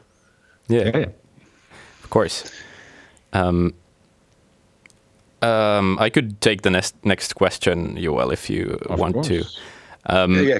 we like when we discussed how we should how we should tell uh, Paul's story in in our podcast.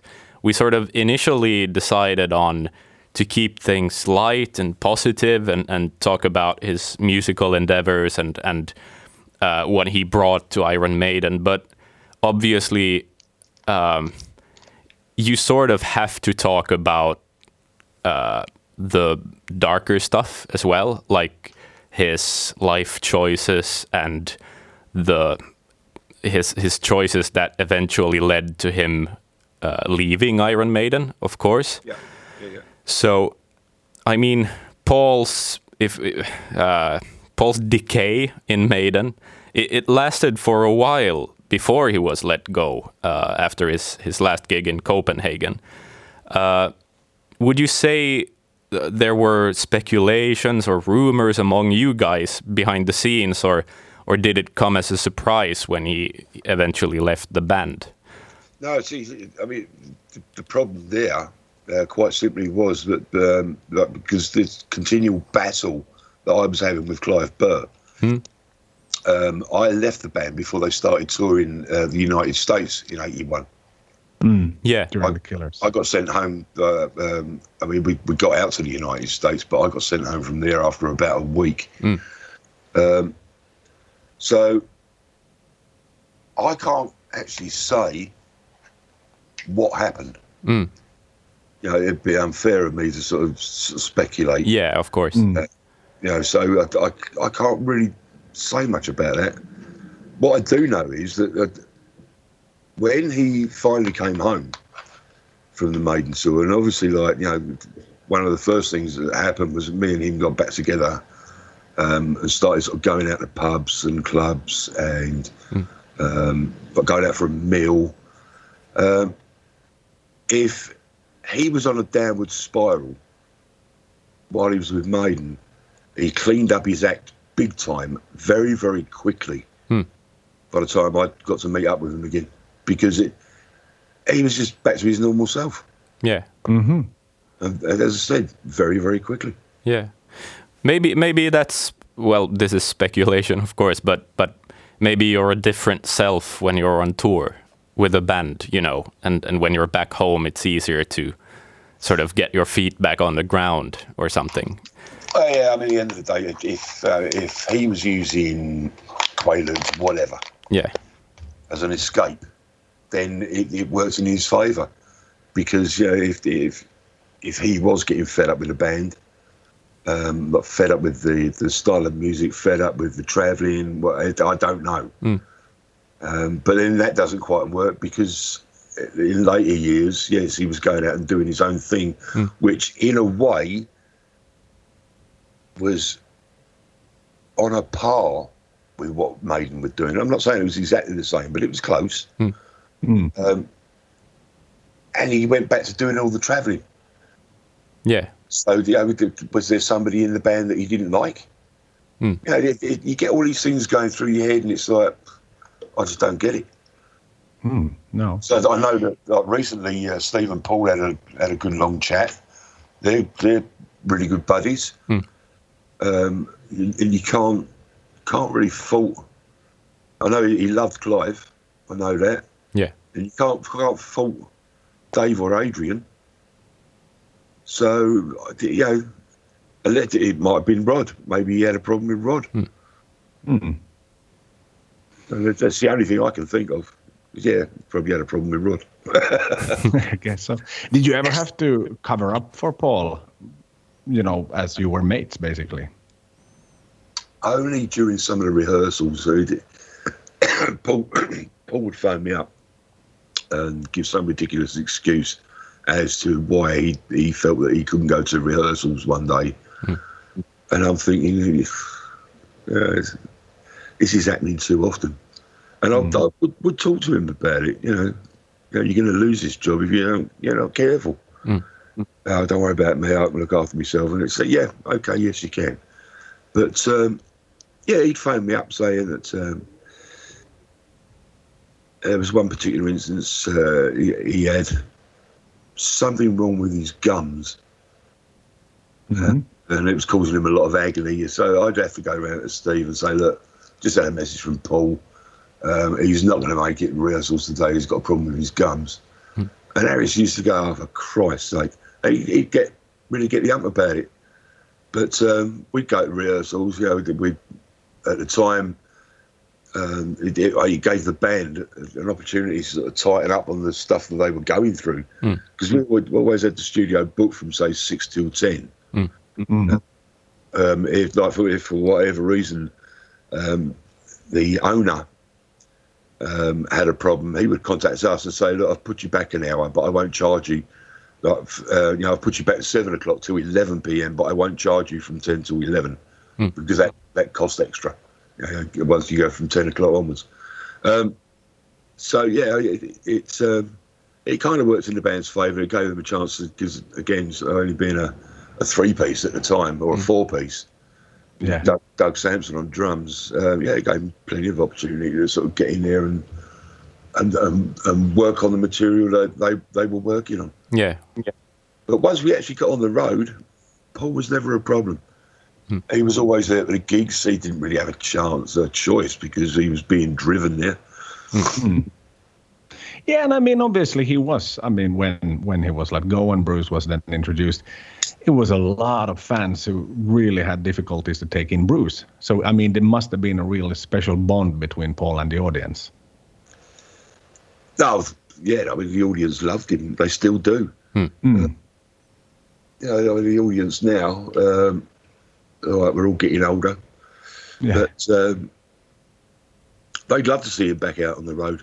Unfortunately, like, like because of his uh, physical problems, Mm. that's that's unlikely to happen for a, a good couple of years at least.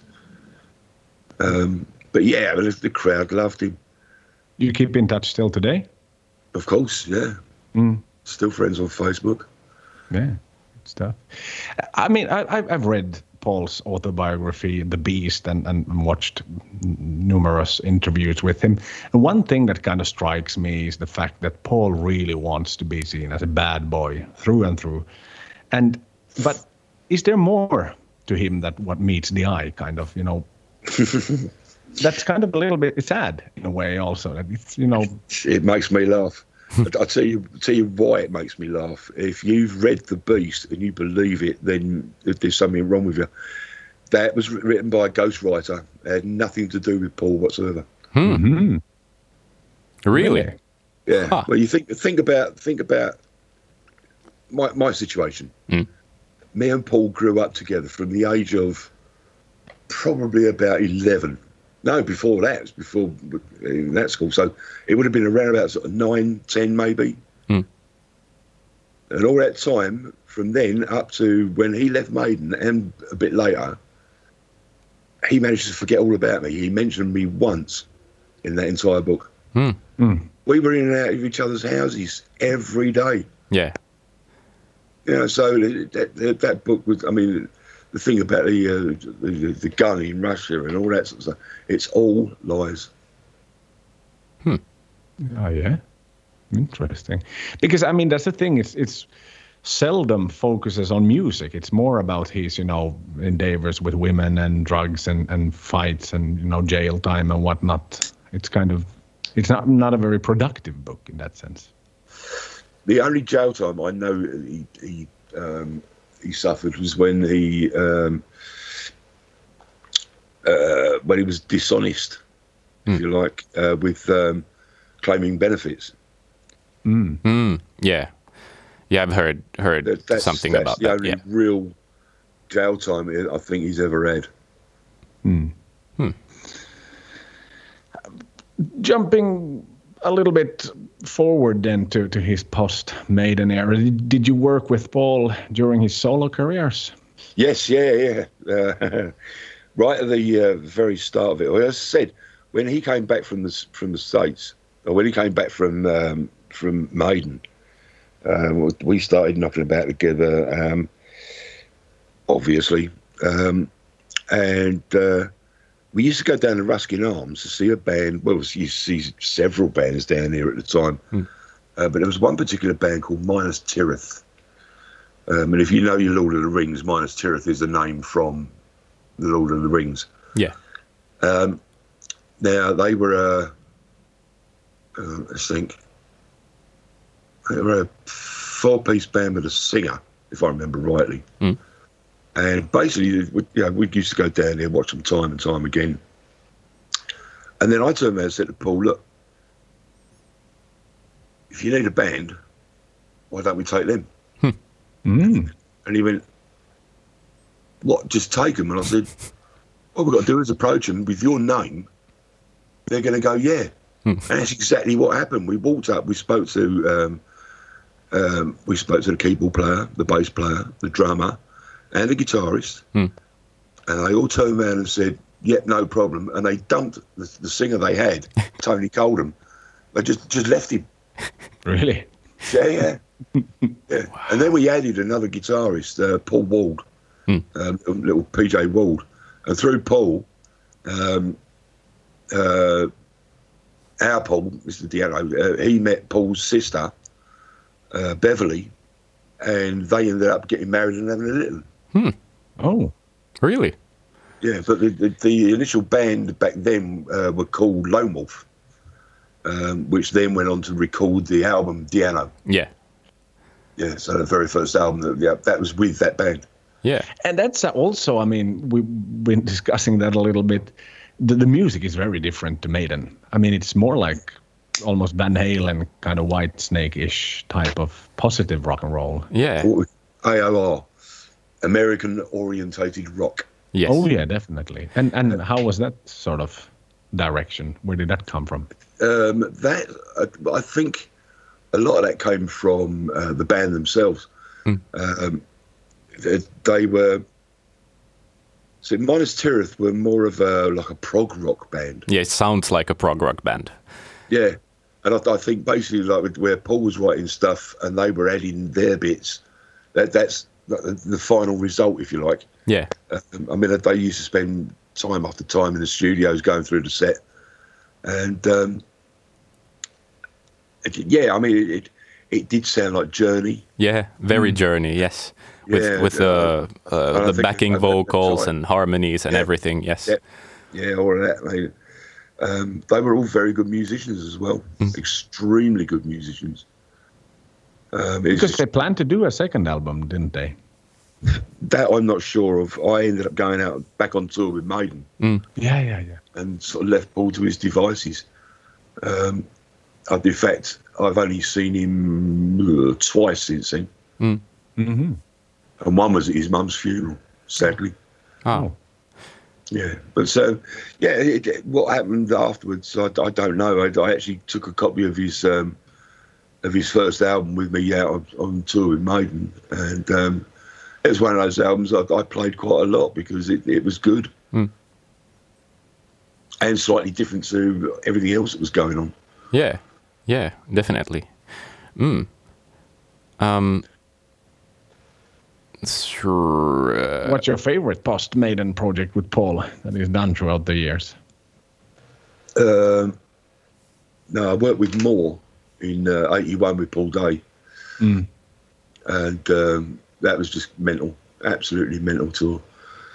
They had amazing you know, what you can actually get up to. Yeah, very very crazy tour. Mm. Um, the uh, yeah, I mean, t- well, with, with Diano, uh, the only tour we actually did, like with, with Lone Wolf as Lone Wolf, was put in um, Thin Lizzy, the UK tour with uh, Thin Lizzy, um, Wow. the Renegade tour, Nice. Ah, Renegade UK tour. Yeah, that was that was really cool. Yeah, it was good to meet up with uh, Phil and all the guys. Um, again, you know, it, it, it takes you back to um, being being a fan, a music fan. mm. One of the first albums you buy is Thin Lizzy Jailbreak, Yeah. yeah. and then all of a sudden you're like you you're working on the same stage, and once you've cleared your crap away, they're playing the songs from that album, and it's like wow, you know, it, it's I love that. Yeah. Yeah, I love Yeah, that. Solid rock. Yes. But did you listen to everything he released throughout the years up until now? Uh, no. Do you know what? I actually downloaded, and I know you're not supposed to because keep music live on it. Um, but I actually downloaded his entire discography, and I was amazed just how many albums there are. Yeah, yeah there's a shitload of albums. Yeah. Yeah, it's, uh, I mean, it's not only is there like Diano stuff, you got the Battle Zone, um, uh, whatever, whatever. You know, I mean, there's, there's just loads of it, and I, I was actually really shocked. Mm. And I don't think I've heard, I don't think I've heard one of them. no, no, he's been very productive, and I mean also doing these kind of retakes on on the old Maiden songs as well. Yeah, it's, I mean, he's also done a couple of tracks with uh, with Air Force. Hmm? Um, And um, he's sort of helping to sort of promote them a bit more because Dougie Sampson is the drummer with Air Force. So, uh, yeah. Because he was supposed to have now in August the kind of his last gig ever, wasn't he? That obviously got cancelled due to COVID. Yes. Um, but so I had um, reservations about that. Quite simply, um, it was advertised by his manager as his last gig ever. Mm-hmm. Um, and I was a bit sceptical that he. Um, I, I, I kind of knew in my head that he was never going to be fit enough. Mm. You know, because it, I mean, he, at the moment he's still in a wheelchair. Yeah. Yeah. Um, he can barely move his legs. Each time they go to operate on, on one one of his legs, he gets an infection, Oh shit. And um, so the, the operation just gets pushed back and pushed back and pushed back. And it, this has been going on for uh, for uh, ages now. I mean, probably three or four years, if- Wow. if, not longer. Mm. Uh, so, and the, the other problem I had with it was that uh, it was being touted as the, the last ever Diano gig, when Paul was already talking about as soon as he gets gets fit, he wants to go back and tour South South America, Mm. and then the people that had put um, the of March thing together um, turned around and said they'd organise another one. Mhm. So it wasn't going to be his last one because there's another one. You know, it's, Aha. It's all marketing or something. God knows. Yeah. God Yeah, knows. yeah. Um, Turns into a tour and then into a next tour, and just like Kiss or Ozzy Osbourne. yeah, exactly. Yeah. Yeah, the final, final, final, final tour. exactly. uh, just to uh, go back to your uh, uh, what do we call them accusations towards Paul's autobiography. Um, how how come you you do you know for a fact or are you speculating when you're talking about a ghostwriter? Let's say that I know Paul, and the, the little bit of that book that I read was pure fantasy. Hmm. Mm-hmm.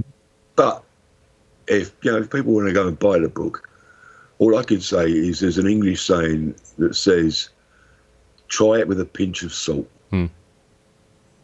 and that means so it, it, don't believe everything you read. Yeah. Hmm. No, because obviously I think it's been benchmarked to to the dirt by by Mötley Crüe in, in in many ways. Because if you compare it to any kind of other musical, you know, or the biography, biography, they are more focused on the music and the career choices. This one is really trying to be to be the beast, kind of. Yeah, yeah, yeah.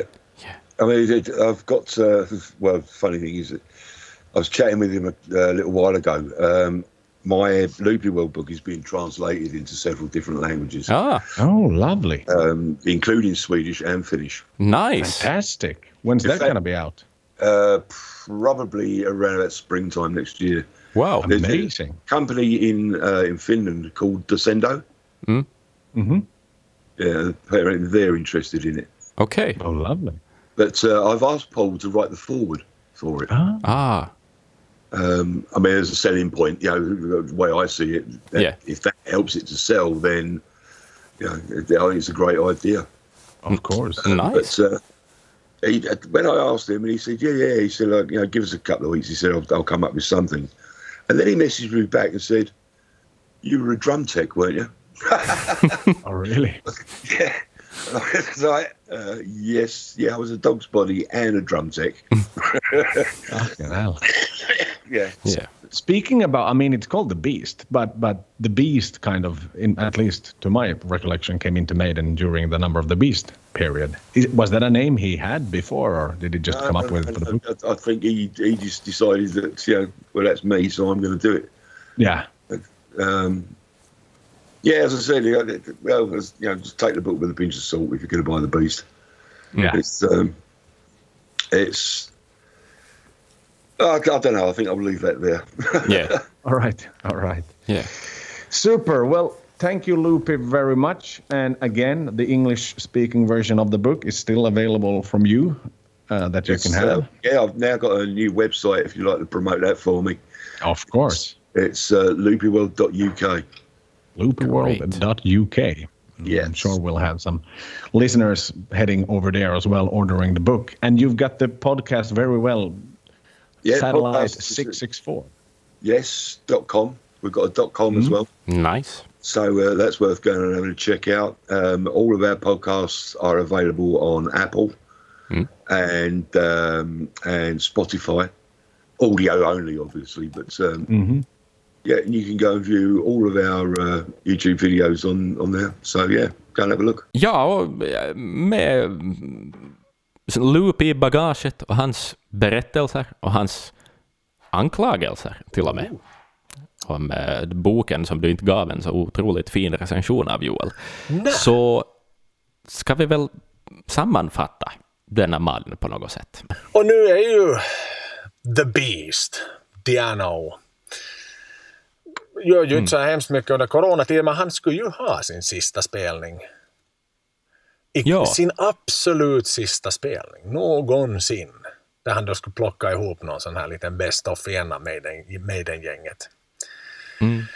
Men eh, allt blev ju inställt. Allt blev ju inställt nu på grund av corona. Så, så vi får hoppas att Ja. han är på benen och på fötterna ännu att orka med det. Men Ja, Han, han, eh, för han hör ju också, han har varit, jag tror han kom till Vasa en gång till också senare eh, på 2010-talet, men den, den spelningen missade jag. Men jag, han, han hör lite till den där kategorin av människor som jag tänker så här, ja, men nästa gång kanske jag far.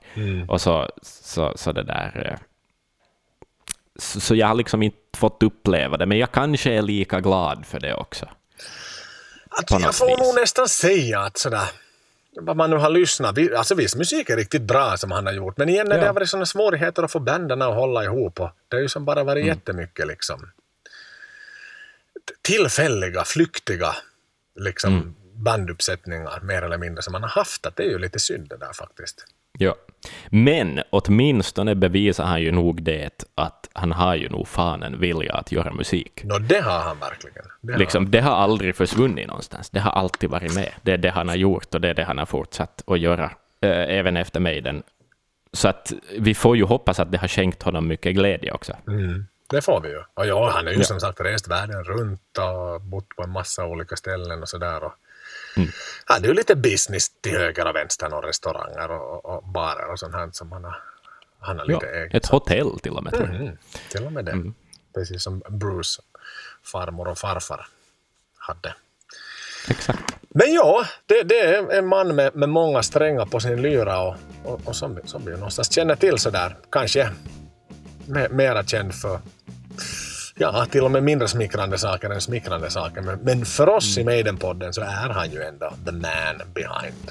Liksom, Remember Tomorrow, Strange World, Prodigal Son, Killers. Alla de fina, fina, fina låtarna som han ändå har varit med som aldrig kommer att raderas ut ur historien utan alltid kommer att vara en extremt stor och extremt viktig del av musikhistorien och inte minst Maiden och New Wave of British Heavy Metal. Så är det. Så är det. Men med det Axel, så tror jag att vi kan gå vidare in i mörkret mot en ökande coronapandemi. Regn, mörker och metal. Exakt. Exakt. Up the irons. Puss och kram.